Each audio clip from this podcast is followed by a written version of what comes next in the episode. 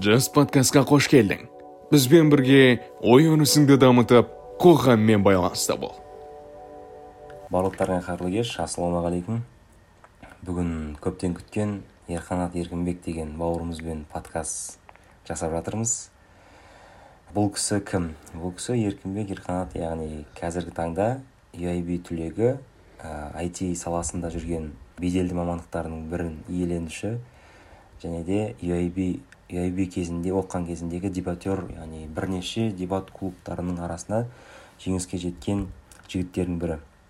Бұл жігітпен біздің өмірдегі сферамыз бір қазіргі таңда кені подкаст жағынан ә, суд, суд подкаст деген ә, өзінің жеке подкасты бар. Өзі негізін қалаушы. Жалпы солға байланысты қазір біз екеуміз бір толқындамыз.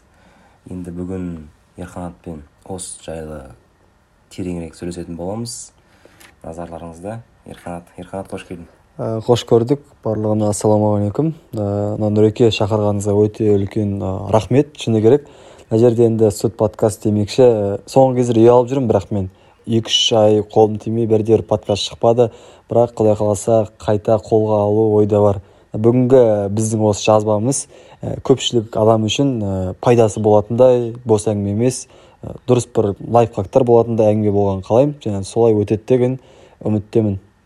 Дұрыс айтасыз жаңа айтып кеттіңіз ғой бір көп болды подкаст шығармағалы деген секілді. Шынымен де менде де қазір подкаст жағынан дефицит десе болады бұл төрт айдан бері өзің неге сен болып тұрсың енді. Қазіргі подкасттың қалай айтса болады жалғастырушысы ретінде. Жас подкаст ерекшелігі әңгіменің үздіксіз жалғасуында ереке. Яғни сенің алдында сұхбат беруші адам қандай тақырыппен аяқталса сол тақырыпты саған қою арқылы біз ой өрісін одан ары қарай жалғастыра береміз. Осы жас подкаст ерекшелігі болып келеді. Ә, алдыңғы тақырыпта дана деген ханыммен қазақ тілі енді дамып келе жатыр деген тақырыпта бітірген болатынбыз.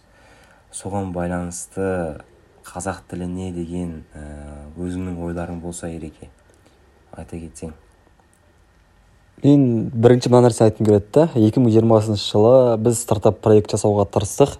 Ол стартап проекттің негізгі мақсаты қазақ тілі арқылы ағылшын тілін үйрену болды э, біз көп зерттеу жүргіздік. Ә, негізі көп адам ойлайды орысша бәрі біледі ғой ағылшын үйренудің жолы көп қой деген сияқты. Оказывается ағылшын оказывается ағылшын үйренудің жолы көп болғанымен ә, орыс тілін білмейтін адамдар үшін ауылдық мекенде тұрып жатқан қазақ тілді аудитория үшін ол қиын процесс екен да. Вот сол кезде сол нәрсенің маңыздылығын түсіндім. Ә, негізі қазақ тілі андай біз өзіміз қазақ ортасында жүргеннен кейін біз оның маңыздылығын ә, қатты түсіне бермейміз. Өйткені бәріміз қазақша сөйлейміз бәрі нормально деген нәрсе ойдамыз. Ә, бірақ ақпараттар іздегенде немесе ә, дұрыс мамандарды іздегенде шыны керек тек орысша тек ағылшынша ә, сілтемелерге жүгініп кететініміз де рас. Ол проблемалар бірақ ол мәселелер менің өзім сөзімде кейбір сөздер орысша болуы мүмкін. Э, ол үшін кешірім сұраймын. Бірақ қазіргі таңда қазақ тілінің мәселесі жылдан жылға менің ойымша тренд болып жатқан сияқты. Яғни адамдар көбірек үйреніп жатқан сияқты. Ә, мемлекеттік ұйымдарда болсын компанияларда болсын қазақ тілі өте қатты дамып жатыр деп ойлаймын өз басым. Дұрыс негізі қазақ тілі шынымен де қазір тренд болып жатыр ереке. Қазір қай қосымша жаңағыдай приложениені қарама қай жаңағындай ә, баннерлері бар ма немесе өлеңдері бар ма өлеңдердің атаулары альбомдардың атаулары барынша латын әріптерімен қазақшаландыру процесі болып жатыр деп ойлаймын қазір менде. Яғни солай істесе кішкене қазақтарға былай аудиторияға өтетін сияқты қазіргі уақытта. Ә, мен осы жерде қосып кеткім келеді. Бізде осыдан бір жыл бұрын қазақша жаз деген бір не қалай айтса болады бір ұйым сияқты пайда болды ғой. Яғни ә, көптеген беделді компаниялардың аккаунттарына қазақша жазуды сұраған болатын.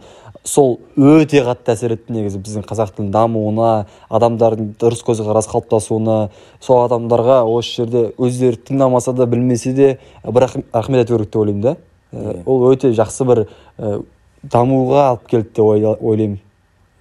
Негізі қазақ тілі дегенде біз екеуміздің негізі сферамыз ереке сол қазақ тілін дамыту болды ғой. Мысалы менің мақсатым подкаст бастаудағы осы қазақша бір аудиторияға үлес қосу болды. Яғни қазақ жастарының ішінде көрінбей жүрген еңбек еленбей жүрген жігіттерді қыздарды кішкене осы подкаст арқылы тым болмаса таныту болды менің ойым. Қазіргі уақытта студ подкаст дедік бағана айта кеттік. Соны негізін қалаушы өзіңсің ереке.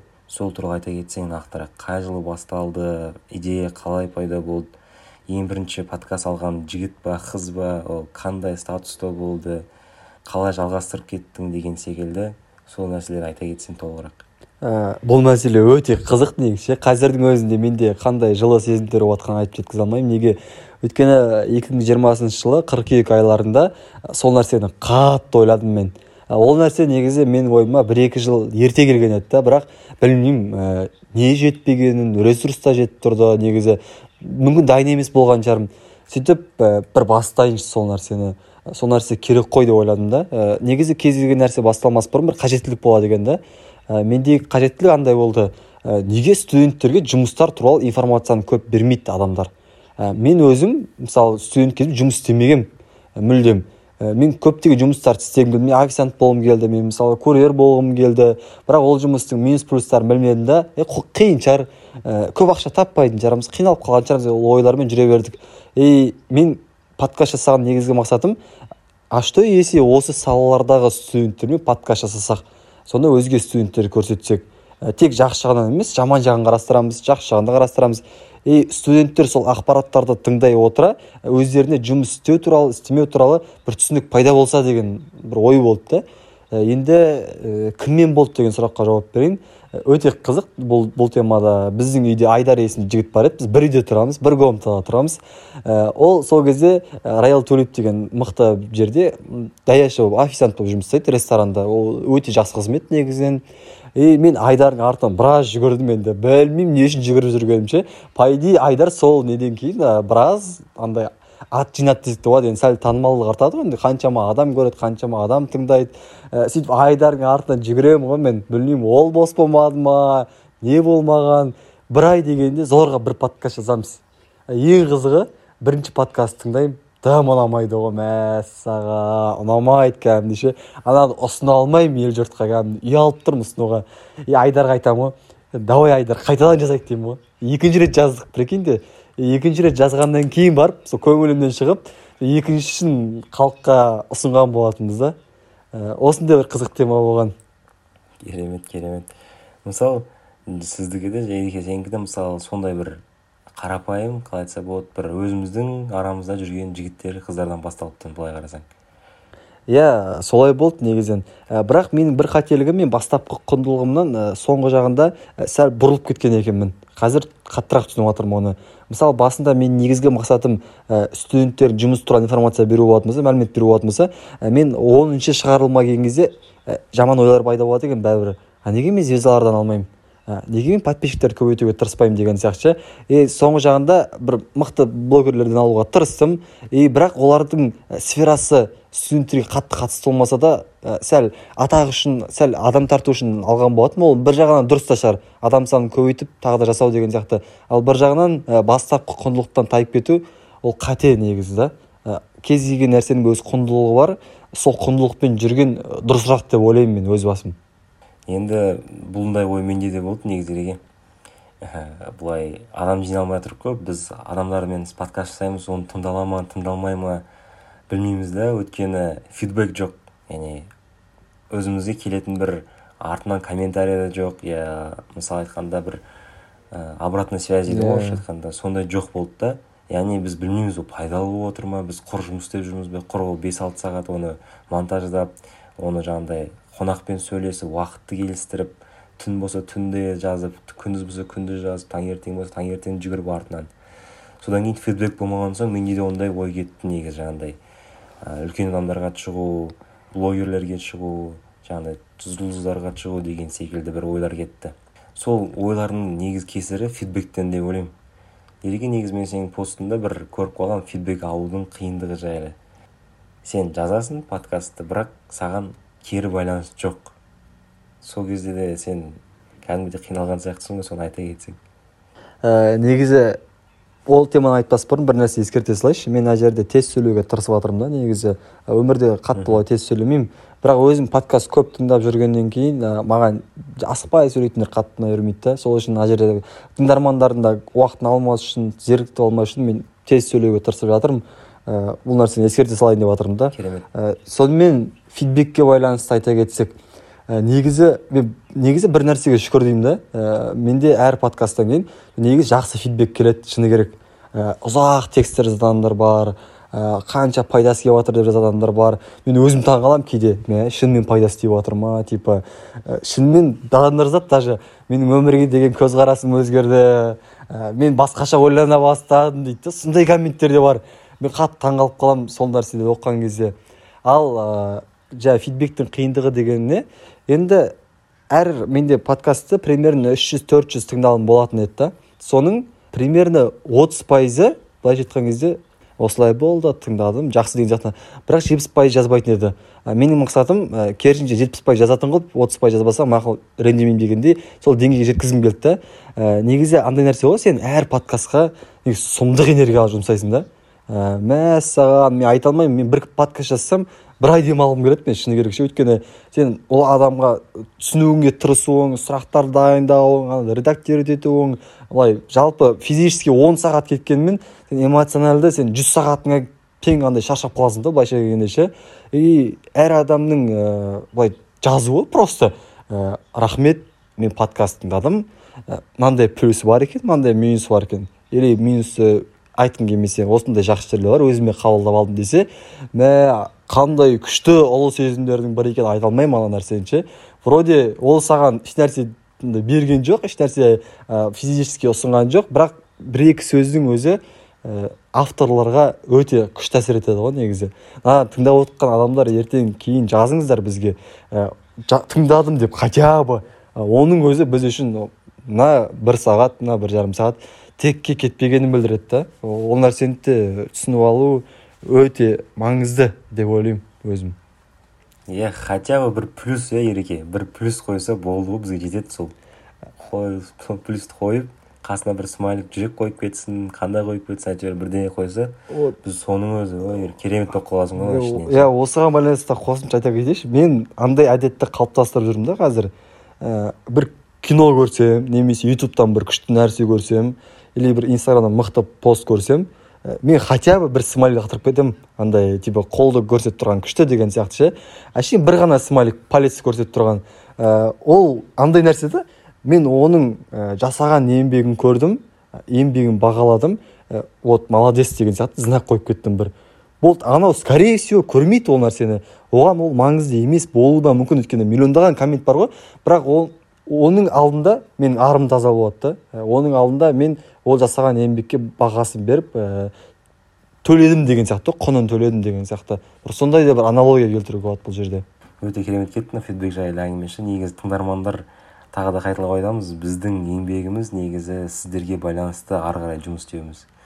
Яғни ол ереке айтқандай он сағаттық бір жұмыс болғанымен артында біраз әңгіме жатыр негізі. Бұл міндетсінгеніміз емес енді бірақ енді ереке екеуміздің.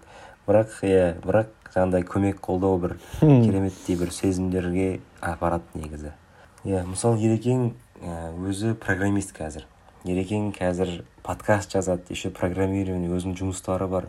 Яғни оған көп уақыт кетеді да. Программинг саласына ерекең кіргеніне уже мысалы бірінші курстан бастап па ереке иә? Сол универге түскеннен бастап сен қызығып бастадың или оған дейін ба жоқ жоқ жоқ жоқ.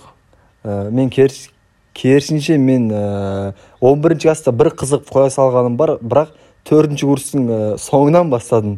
Жұрттар бірінші курстан бастап жатса мен төртінші курстың соңынан бастадым. Мен мүлдем басқа мамандықпын негізі финансистпін шын мәніне келгенде а сен негізі мамандығың программер емес.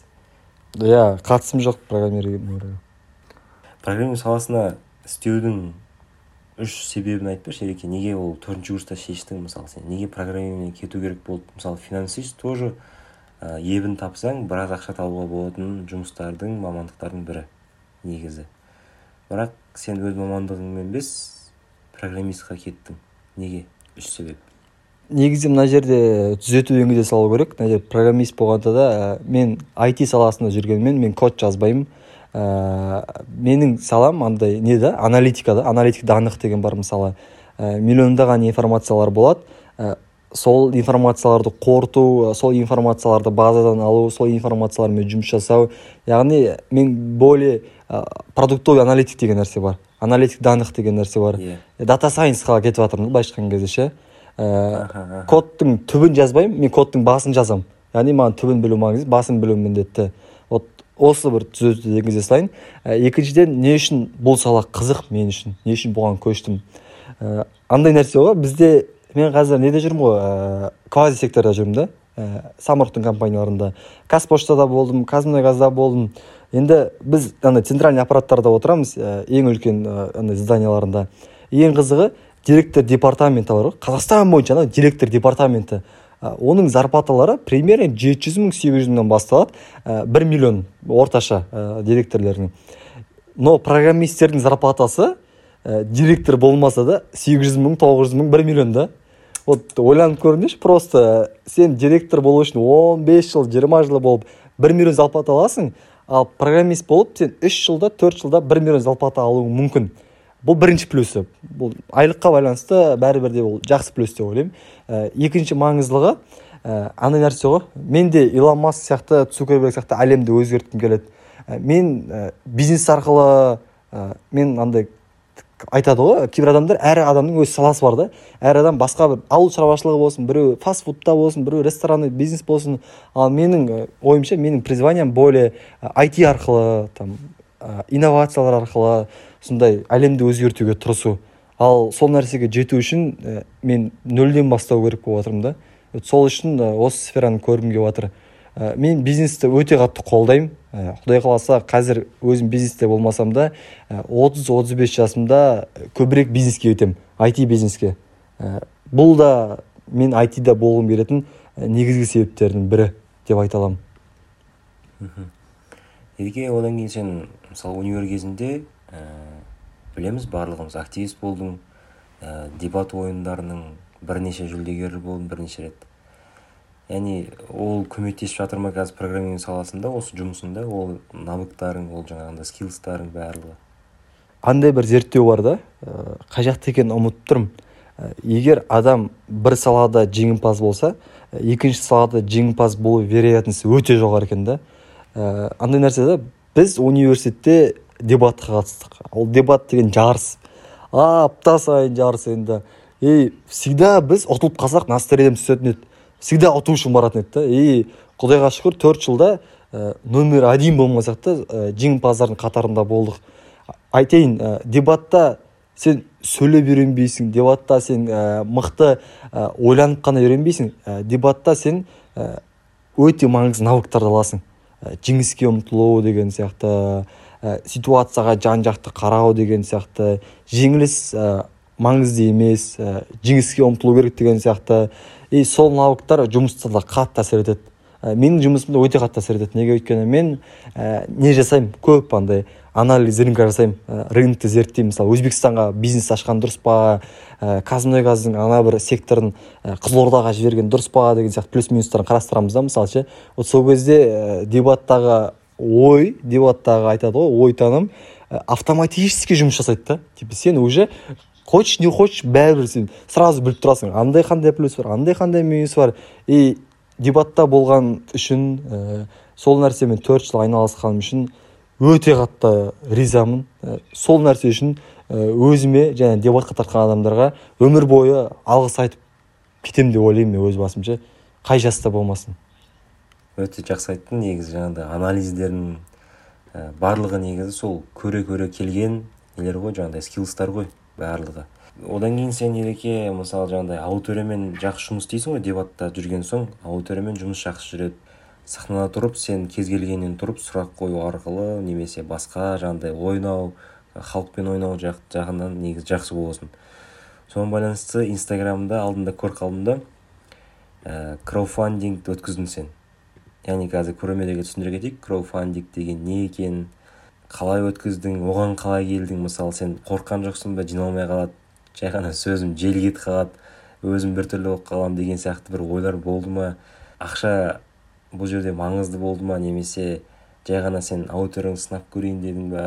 Қалай ол вообще? Соны айтып берсең ерге ә, негізі ол нәрсені мен ойламаппын типа краудфандинг жасаймын деген сияқты. Ә, негізгі мақсат бойынша ол курсты мен ә, бір жылдан кейін екі жылдан кейін алуым керек еді да. Негізі өзімнің былай жалпы ойым бойынша. Ә, сөйтіп мен по, по приколу сала салдым просто осы нәрсені алғым келеді деген сияқты. И үш үш адам ба төрт адам ба сразу ақша жібереді типа давай алсай біз саған көмектесейік дейді. И сразу жазады бірінші адам. Бірінші деген адам жазады ә, бір қыз еді әлі есімде ә, сіз халық сізге жібереді ғой дейді да? Бәріміз көмектесеміз ғой смело. Давайте сала беріңіз дейді. Ал мен ол кезде өшіріп тастағым келген сразу. Ұялдым ол нәрсе үшін ше. И сөйтіп просто көре салайыншы дедім. Өйткені ол нәрсені мен андай қылып ойлаған жоқпын типа адамдар маған береді деген сияқты. Адамдар маған беру керек деген сияқты. Мен былай ойладым. Мен достарыммен өз ортаммен өте жақсы деңгейде араласамыз да. Оларға көмек керек болса оларға бір нәрсе керек болса менде ой болмайды мен беріп жатырмын мен осыны істеп жатырмын. Ол автоматически просто бере салсың андай сезінбейсің. Просто дос сен отбасыңда мысалы там біреу бір нәрсе сұраса сразу бере салсың ғой. Бердім деп ойламайсың да ой туындамайды да. Сол сияқты мен просто сала салдым. Мен достарды скорее всего сондай болады. Ә, керісінше олар ә, маған көмектескендері үшін ә, жақсы сезім пайда болады. Біздің дос қарым қатынасымызға ол жақсырақ әсер етеді. Деген ой пайда болды да. Сол мақсатта мен ол нәрсені соңына дейін апаруға тырыстым. Яғни негізгі мақсат бұл жерде сол курсты сатып алу емес негізгі мақсаттардың бірі просто достық қарым қатынасымызды просто сол қарым қатынастардың ә, принциптердің ә, системаның жұмыс істеуіне бір ә, инструмент ретінде ә, қолдандым десем де болады. Ә, қанша ақша жинадың ереке ә, негізгі ақша 280 мың жиналу керек еді. 290 мыңдай жиналды бірақ ол жерде енді барлығын халық жіберген халық жіберді деген бәрін халық жіберді ғой. Бірақ екі үш адам көп соммада ақшалар жіберді да. Ә, кейбір мұғалімдерім жіберді маған кейбір ағаларым жіберді. Өте қатты таңқалдым по идее өте қызық болды. Керемет. Мысалы үш жүз мың теңге жиырма сағаттың ішінде келді жиырма сағат деп жаздың ғой деймін есімде болса. Иә иә. Иә. Мысалы бұл нәрсе ары қарай алып кету керек сияқты бұл нәрсені. Ереке менің өз ойым өйткені біз көп жағдайда ә, халықтан қолдау болмаған соң күйіп кетіп жатамыз жанып кетіп жатамыз ше? Мысалы жаңа айттым ғой неге қорықпадың ба жиналмай қалады деген секілді ше? Мысалы сөзім желе кетеді деп. Егер ереке андай оның қараңғы жағы бар да мысалы сен салдың бес алты адамға жіберді саған. Түсінбеді да ертең өткен.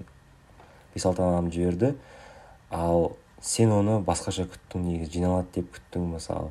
И сен бес алты адам жіберген соң ә, сен кішкене бір өзің іштей менде неге олар жиналмады деген секілді жүз теңгеден жіберсе де болады ғой деген бір ішінде бір кішкентай бір титтей өкініш қалып қалады да.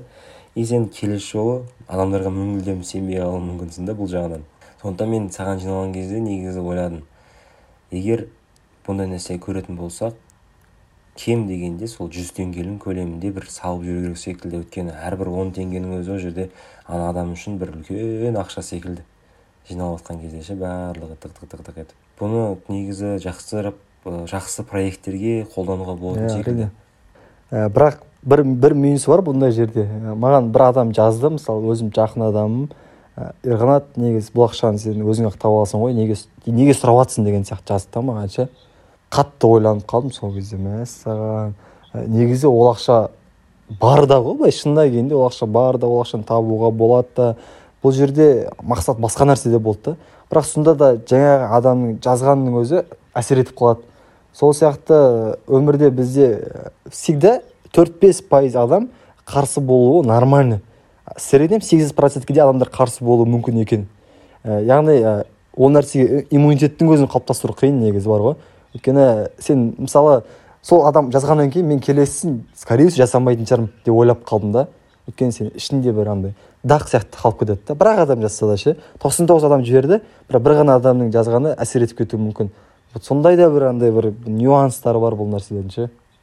Түсінікті иә бұл жағынан енді ол жағынан зерттеп бірінші аудиторияны жаңағындай тексті дұрыс жазып дұрыс жеткізу арқылы ғана бұны бір нәтижеге жеткізуге болатын сияқты ал сен егер сөзден қате кетсең сөзден деген себебім мысалы басқаша жеткізсең ақша жинаудың сборын. Ал ана жақта уже басқаша кетуі мүмкін хейтерлардың әңгімесі деген секілді жаңағындай. Иә текстің қалай жеткізілуі қалай түсінілуі қатты маңызды шыны керек. Енді оның нәтижесі қалай ереке өткіздің ба курсты? Иә ол курсты мен өтіп тастадым. Ә, 85 балмен ба аяқтаған болатынмын 84 балмен ба. Ә, бірақ өте қиын. Ә, мен шынымды айтайын ана нәрсені мен түсіну үшін әлі үш төрт рет оқуым керек та. Ә, кейде андай курстар болады сен ол курсты оқуың үшін белгілі бір деңгейде болу керексің да ә, ана курс жоғары деңгейдегі курс болды и ол курс қиын курс болды. Ә, бірақ мен бақыттымын что қазір ол курсты алғаныма ше. Ертең 22 22 деппін ғой. Жиырма бес жиырма алты жасымда оны оқып оны кейін мәнін түсінгенге қарағанда қазір көре беріп қазір не болып жатқанын түсінген маңыздырақ шын мәнінде. Вот сәл ертерек алғаныма қатты қуанамын. Осы программирование саласынан бөлек ә, жаңағыдай подкаст саласынан бөлек сенің өз ойыңды жазып тұратынын білеміз телеграмда. Жаңа үйлену жағдайына болсын даму жағдайлары болсын басқа бір америкадан келген лайфхактар болсын кітаптардан алынған өзің оқыған нәрселер бөліскен жақсы көресің оны көріп тұрамын өзім. Соған байланысты мысалы марғұлан сейсенбай кайдзен секілді бір лайфхактарын әрдайым ұсынып отырады. Мен кайдзен қолданамын осындай осындай жақсы осындай кезде қолданыңыздар деп айтып отырады да. Соған байланысты сенің лайфхактарың бар ма? Өзің бір өмірде тауып алған немесе өзің шығарған лайфхактарың немесе қалай айтса болады уже қолданып нәтижесін көріп қазір басқаларға ұсына алатын лайфхагың бар ма ереке? Ә, бұл жерге мен бір ғана нәрсе туралы айтқым келеді. Ә, негізі сол нәрсе көп нәрсенің орнын жабады. Notion деген программа бар. Ә, қателеспесем мен жазуым керек. Notion деген система ішіне кіресің ашық платформа әртүрлі рубрикалар болады. Мысалы мен өзім notionды қандай мақсатта қолданамын деген сұраққа жауап берейін. Notionды мен өзімнің іс әрекеттерімді өзімнің мақсаттарымды өзімнің не көргенімді не істегенімді не оқығанымды жазып жүру үшін қолданамын да. Оказывается адам еркін болса адам ойын бір жерге жазып жүрмесе сәл жүйе болмаса ә, андай түзу жолдан тайып кетуі мүмкін да. Ол қанша жерден ақылды болса да қанша жерден мықты болса да бір система керек кішкентай болсын. Ә, и notion осы системаны қойып беретін ә, программа. Ә, осыны тыңдап отқан адамдар болса мен өзімнің notion шаблондарыммен бөлісе аламын. Ол дегеніміз не? Ол дегеніміз ә, мен шаблондарды жіберемін. Яғни мен ағылшын тіліне қандай система құрдым. Типа не жазам. Мысалы мен жазам ә, осы күні осы адаммен сабақ болды. Осыншама балл алдым осындай мұғалім осындай сағатта деген сияқты. Вот просто сол системаны жіберемін. И ол адам өзінікін толтырып жаза берсе болады. Тағы қосымша соңғы нәрсе ә, ноушнда идеялар жазуға ыңғайлы. Яғни ә, мен идеяларды бөліп қоямын. Жұмысқа байланысты идея ә, жеке өмірге байланысты идея подкастқа байланысты идея деген сияқты. Вот сол нәрселерді жазып жүрсе болады. Ә, мен мысалы парольдерімді сақтаймын сол жақта құпия сөздерімді. Мен файлдарымды сақтаймын бәрі бір жерде да ә, бұл кайдзендегі ә, маңызды нәрселердің бірі ғой яғни ә, сенің энергияң ә, бәрі андай жан жаққа кетіп қалмайды бәрі бір жерде тұрса сен ә, оңай жетесің сол нәрселерге. И оңай жетсең ә, сенің тиімділігің артады да. Вот кайзинге қатысы бар лайфхак деп айтсам да болады бұл лайфхакты. Онда сол ноушн ә, жаңағыдай сілтемесін қалдырып кетсек подкаст астында ереке сенің рұқсатыңмен ә, оны қалдырып кеткенмен адамдар түсінбейді ол сәл қиын система да ә, ол маған жазса мен ә, жазғандардың арасында группа ашамын да өзім түсіндіре саламын жаза саламын сол оңайырақ. Иә ерекең онда ерінбеймін яғни жазсаңдар сендерге көмектеседі. Яғни осы лайфхагын бір қарап шықсаңыздар болады барлықтарыңызға ерекеңнің нөмірін бәрін yeah. жазып кетемін. Инстаграм сол жерге кірсеңіздер болады. Одан кейін мынандай бір қызық ә, сұрақ бар менде. Өзім де негізі кейде ойланамын жұмыстан шыққан кезде кешке. Автобуста там немесе күн батар кезінде құлақта наушник там өзіңнің ә, музыкаң ойнап тұрады. Басқа бір ойда шомыласың ғой. Сол кезде неге осындай? деп бір ойларға сүңгитін бар да ереке. Соған байланысты сен кей кезде қоғамға қарап бір ойланатын жағдайларың бар ма? Неге осындай? деп. Негізі жақсы сұрақ. Мына жерде көп адам айтатын шығар. Мен осы бір түйткілді мәселені ойланамын ә, осындай бір нәрсе неге екенін ойланамын деген сияқты. Мен шынымды айтайын мен ондай мәселелерде ойланбауға тырысамын ә, ойланбаймын ондай нәрселерде ә, мен ә, көбірек ақылды болғанға қарағанда көбірек ақымақ болғанды ұнататын адаммын да. Мен мысалы жаңағыдай көшеде кетіп бара жатсам или өзіммен өзім жүрсем былай ойланамын маған қазір жүз миллион доллар берсе не істейтін деймін да? Просто өзіме план істеймін там гавайиға кетіп қаламын ана жаққа қыдырамын мынандай зат аламын осындай нәрсе аламын деген сияқты ше. Ә, бұл нәрсені не үшін жасауға тырысамын ә, менің ойымша маңызды нәрселерді маңызды уақыттарда талқылаған дұрысырақ мысалы маған ә, кешке біреу бір нәрсе сұрайтын болса бір маңызды. Мен қолым бос болса да мен ештеңе істемей жатсам да мен жауап бермеуге тырысамын өйткені мен ә, дәл қазіргі кешкі энергиямды ақылды нәрсеге құртқым келмейді еще ол сұрақтарға құртқым келмейді мен ол уақытымды ә, уақытымды емес ол энергиямды ол ақылымды тек ә, жұмыс кездерінде ғана қолдануға тырысамын да. Яғни мен ақылды болатын моменттерді бөлек қоюға тырысамын ақымақ болатын моменттерді бөлек қоюға тырысамын. И көп ситуацияда ақымақ моменттерді көбірек талдаймын. И қолдаймын сол нәрселерді.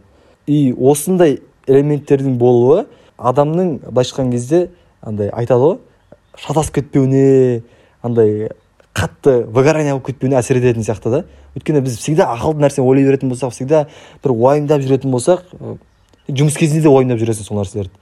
Сен бір маңызды іс әрекет кездерінде уайымдап жүресің.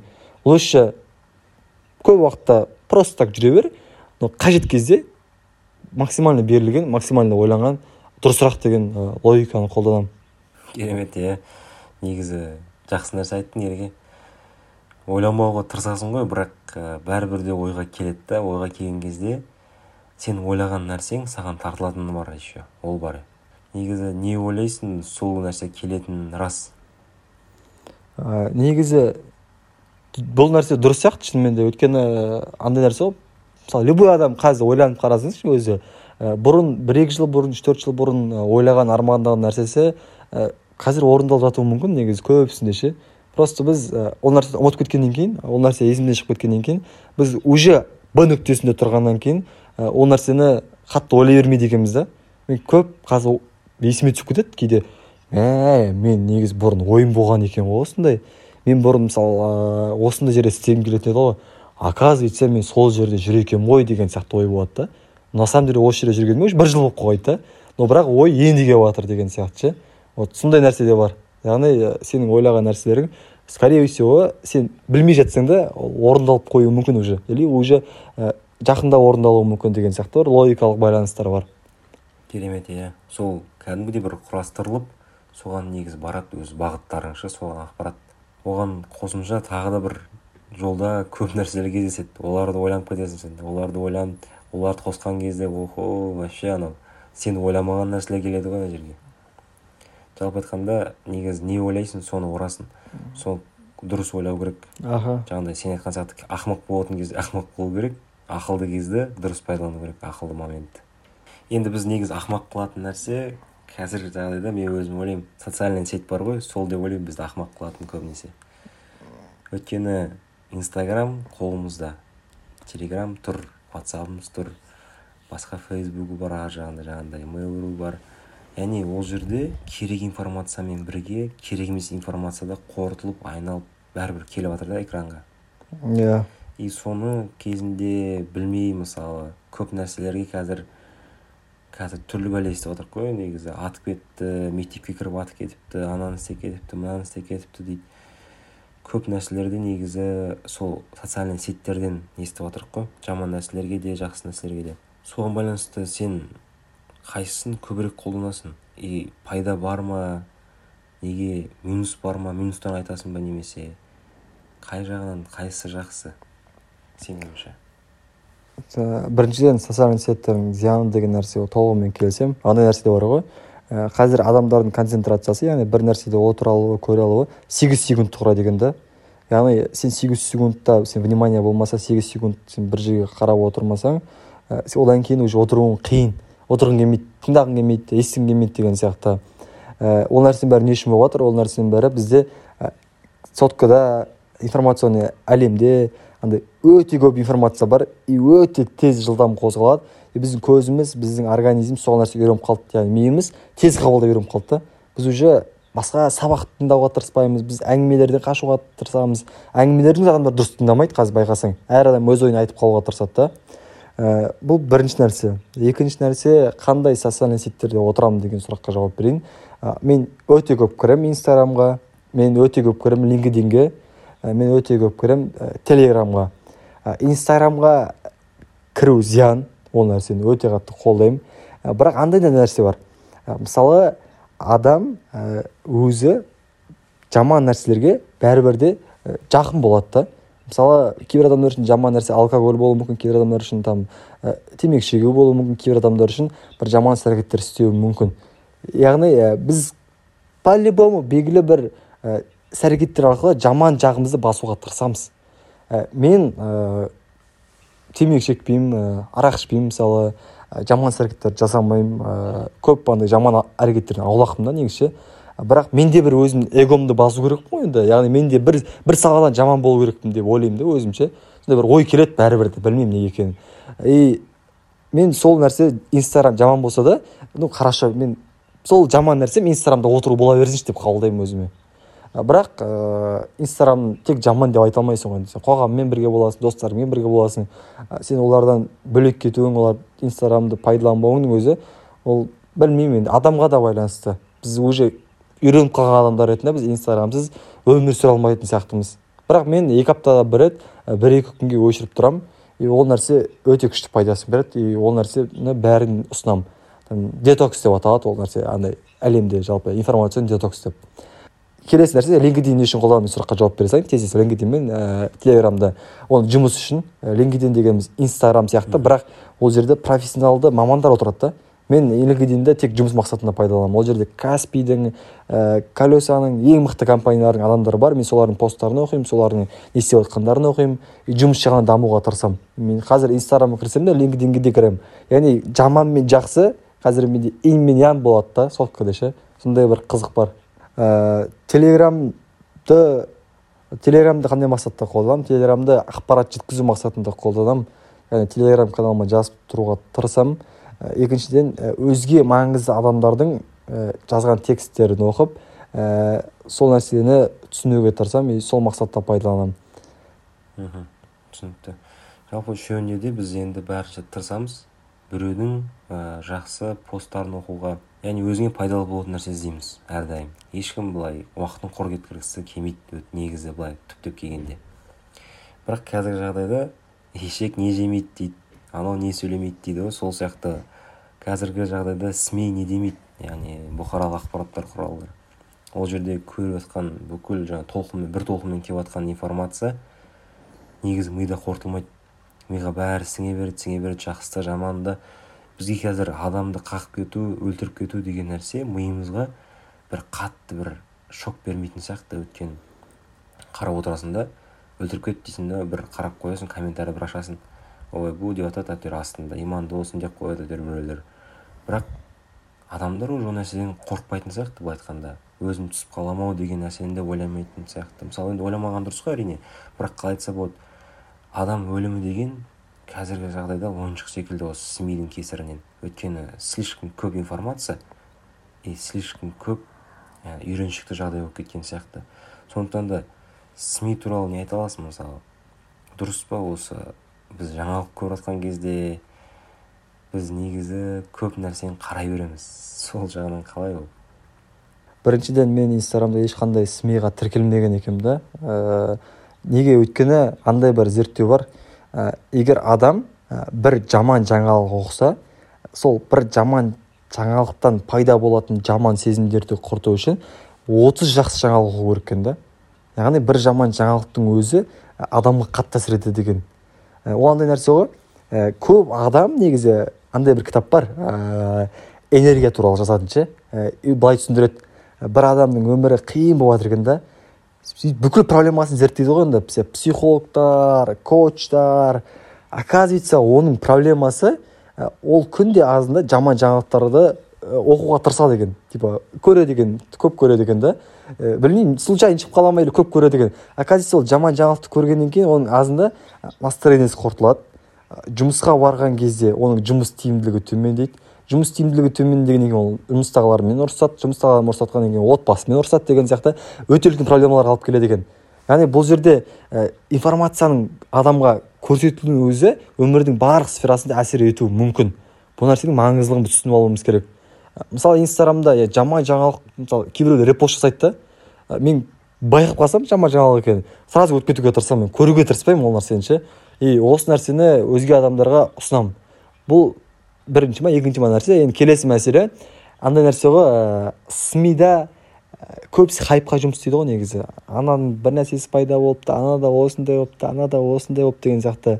Ә, канадада бір ауыл бар ә, калахари ма бір сондай кдан басталады ә, бірде бір ә, сми жоқ екен да телевизорден ешқандай жаңалықтар көрсетпейді екен сол ауылда. И сол ауылда қылмыс бойынша ең төмен деңгей екен. Неге деп сұрайды ғой енді адамдардан? неге ондай деп? Оказывается адамдар қылмыс туралы мүлдем естімеген екен да ал біз смиден таратамыз. Ана жақта біреуді өлтіріп кетті ана педофил болып жатыр ана осындай болып жатыр е біз үлкендер оны саналы қабылдағанмен кішкентай балалар ол нәрсені түсінбейді ғой. Олардың ойында ол нәрсе мүмкін ол нәрсе басқа адамдар істеп жатыр деген нәрсе ой пайда болдырып ол адамдарда қате түсініктер пайда болдыруы мүмкін. Яғни ә, сми осындай бір жаман жақтары бар. И соңғы айтатын мәселе ә, сми ол әрқашан ә, андай адамға ұнайтын ақпараттар таратуға тырысады. Ал ол нәрсе не үшін жаман өйткені сен всегда қызыға бересің оқи бересің оқи бересің. И сенің оған деген тәуелдігің пайда болуы мүмкін. Ана жақта не болып жатыр екен деген сұрақ болуы мүмкін де сенде. Сол жаңалықтарды оқымауға кеңес беремін. Там маңызды жаңалықтар болып жатса оны там қасыңыздағы адамдардан естисіздер. Оны бәрі талқылап кетеді ә, осындай бір кішігірім ұсынысым даже өтінішім деп айтсам да болады. Ә, сол нәрсені дұрыстап қарауларыңызды сұраймын. Дұрыс дұрыс. Мен де осыны айтайын дегенмін негізі сми жайлы. Жалпы мен де негізі қолдамаймын осы жаңағыдай жаңалықтарды көруді. Мен өзім инстаграмнан зтб деген нәрселерден там қумаш тима тағы қалай еді бұрындары подписан болатын өзім. Бірақ соңғы осы бір жылда бір жарым жылда мен олардан алып тастадым мүлдем. Яғни ол жерде менде қазір вообще подписка жоқ? Мен тек қана блогерлер бар өзім қалайтын жаңағыдай тыңдайтын посттары жақсы блогерлер бар. Ә, және де ә, осы халық арасында зиялылар бар. Яғни көмектесіп жүрген жаңағыдай жүгіріп жүрген халық деп. Одан кейін сол өзіміздің достарымыз. Яғни сол осылар арқылы ғана мен қазір инстаграмды қолданып отырмын. Ал қазір смидан мен негізі толықтай шығып кеттім тоже. Өйткені жаңағыдай кері әсерін беріп бастады да миға өйткені ол үйреншікті жағдай болып кетті миымызға бәрімізді керемет ереке ә, өте керемет подкаст болды негізі. Қысқа болып қалған секілді бірақ ә, қазір подкастты ұзартып жіберсек те адамдар тыңдамайтын сияқты ереке иә негізі қатты ұзақ болудың қажеті жоқ ол нәрсе. Осының өзі нормально деп ойлаймын осының өзі көп деп ойлаймын мен негізі. Иә негізі маңызды нәрселерді айтып кеттік ә, бұл подкаст кімдерге пайдалы болады мысалы?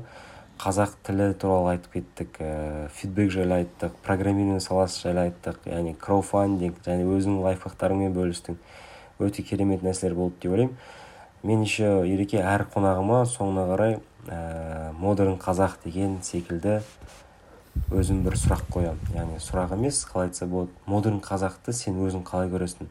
Қазіргі қарапайым ә, дамыған қазақты өзіміздің қалай айтса болады современный қазақ дейді ғой. Соны сенің ойыңда қандай болу керек? Ә, негізі осындай болу керек деп айту бір жағынан қате деп ойлаймын мен өзімдікі ше. Өйткені неге өйткені әр адамның қалауы әртүрлі әр адамның табиғаты әртүрлі болуы мүмкін ғой. Біреулерге жетістікке жету маңызды емес болуы мүмкін біреулерге ә, ол нәрсені істеу маңызды емес болуы мүмкін. Сол үшін қазір көп ойымды айтпауға тырысатын болғанмын мен ә, бұндай темаларға ше. Ә, бірақ жалпы бір модерн қазақ бір жалпы қазақ қандай болса деп тілейтін болса мысалы арманы болса мен былай айтар едім. Ә, мен қатты қалаймын. Ә, ізденімпаз болуды да. Ә, айтады ғой американдықтар не үшін мықты дейді? Өйткені ғалымдар не үшін көп шығады дейді ояқтан өйткені олар өте ізденімпаз екен да.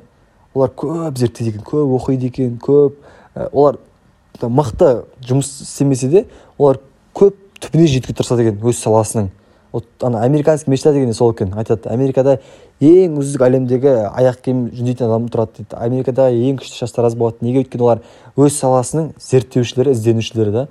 Мен қалаймын модерн қазақ деген ұғымға ие адамдар ізденімпаз болса екен деп. Әр адам өз сферасының ізденімпазы болса әр адам өз сфера, сферасы деп қате айтып жатырмын ғой. Кешірім сұраймын сферасында жаңа нәрсені көруге әр нәрсені тексеруге бір шаг болсын жасап көруге тырысса деп ойлаймын. Қатты қанағат етудің қажеті жоқ. Қанағат қанағат деген жақсы. Бірақ қанағаттың да деңгейін түсіну керек деп ойлаймын. Осылай ізденімпаздыққа ғана байланысты жауап бере салайын. Бізді құртатын да көтеретін де шүкіршілік дейді ғой. Шүкірдің өзін бір орнымен айту керек та. Мысалы бірдеңеге жетістікке жеттің шүкір. Бірақ сол жетістікте қалмауға тырысу керек сол жетістік уровеньді көтеру керек. Ешқашан адамның патологы болмайды бір жерге келген кезде ше. Адамның патологы болатын болса ана жақтағы илон маск пен жаңағы безостар амазондар олар жарыспайтын еді бір бірімен егер адамның патологы болатын болса ше. Сол сияқты ешқашан да біздің негізі бір келіп тірелетін нүктеміз жоқ. Біз әрқашан өсу керекпіз дами беру керекпіз деп ойлаймын өзім. Иә дұрыс айтасың ә, келісемін. Даму бәрімізге маңызды. Ереке осылай? Үлкен рахмет. Подкастқа уақыт бөлгеніңіз үшін. Осындай ұзақ уақыт күттік ерекеңмен негізі подкастты. Ерекеңді суд подкастына барлықтарыңыз кіріп оқып тыңдап жазылып қойыңыздар. Өте керемет. Өзім мен жазылғам. Өзім ерекең подкасттарын қалдырмай тыңдап тұрамын қазіргі уақытта енді бір толқындамыз ереке екеуміз бұйырса тағы да екінші подкаст жасаймыз деп ойлаймын ереке. Біраз уақыт өткен соң. Құдай қаласа құдай иә. қаласа. Сондықтан да ереке өзің жоба жайлы жас подкаст жайлы айта кетсең соңғы сөзің. Сонымен подкастымызды тамамдасақ. Өте жақсы болды деп ойлаймын. Мен үшін білмеймін басқалар үшін қалай болғанын білмеймін. Енді адамдар өздері жазады деп үміттенеміз. Ә, жазыңыздар. Ә, негізі осындай жас подкаст сияқты немесе өзге де подкасттардың шығып жатқанына қатты қуаныштымын. Ә, жеке адам ретінде осы мемлекеттің тұрғыны ретінде өйткені әр адам жасаған кезде әр адамның өзінің аудиториясы болады әр адамның өзінің таныстары болады. И біз жалпы адамдарды дамытып жатырмыз да бәріміз бірге отыра ше. Ә, дәл сол сияқты әр адамның өз форматының болуы әр тұрғынға өзіне сай өзі қызықты андай қалауына байланысты біз форматтар беріп жатырмыз. Бұл да жақсы. Ә, құдай қаласа алдағы уақытта сәттілік тілеймін. Ә, қазір қанша адам болса сол адамдардың саны бірнеше есе көбейе берсін. Бастысы ә, мәнді әңгімелер ә, мағыналы сүбелі сөздер болсын деп тілеймін. Қалғаны ә, көрермендер бағалай береді сосын өздері. Иә ереке онда саған да үлкен сәттілік тілеймін. Бұйырса жолығайық кездесейік сөйлесейік шай ішейік ал қалғандарына үлкен сәттілік үлкен рахмет көрермендерге. Егер осы сөйлемге дейін тыңдаған болса. Сондықтан да баршаңызға рахмет.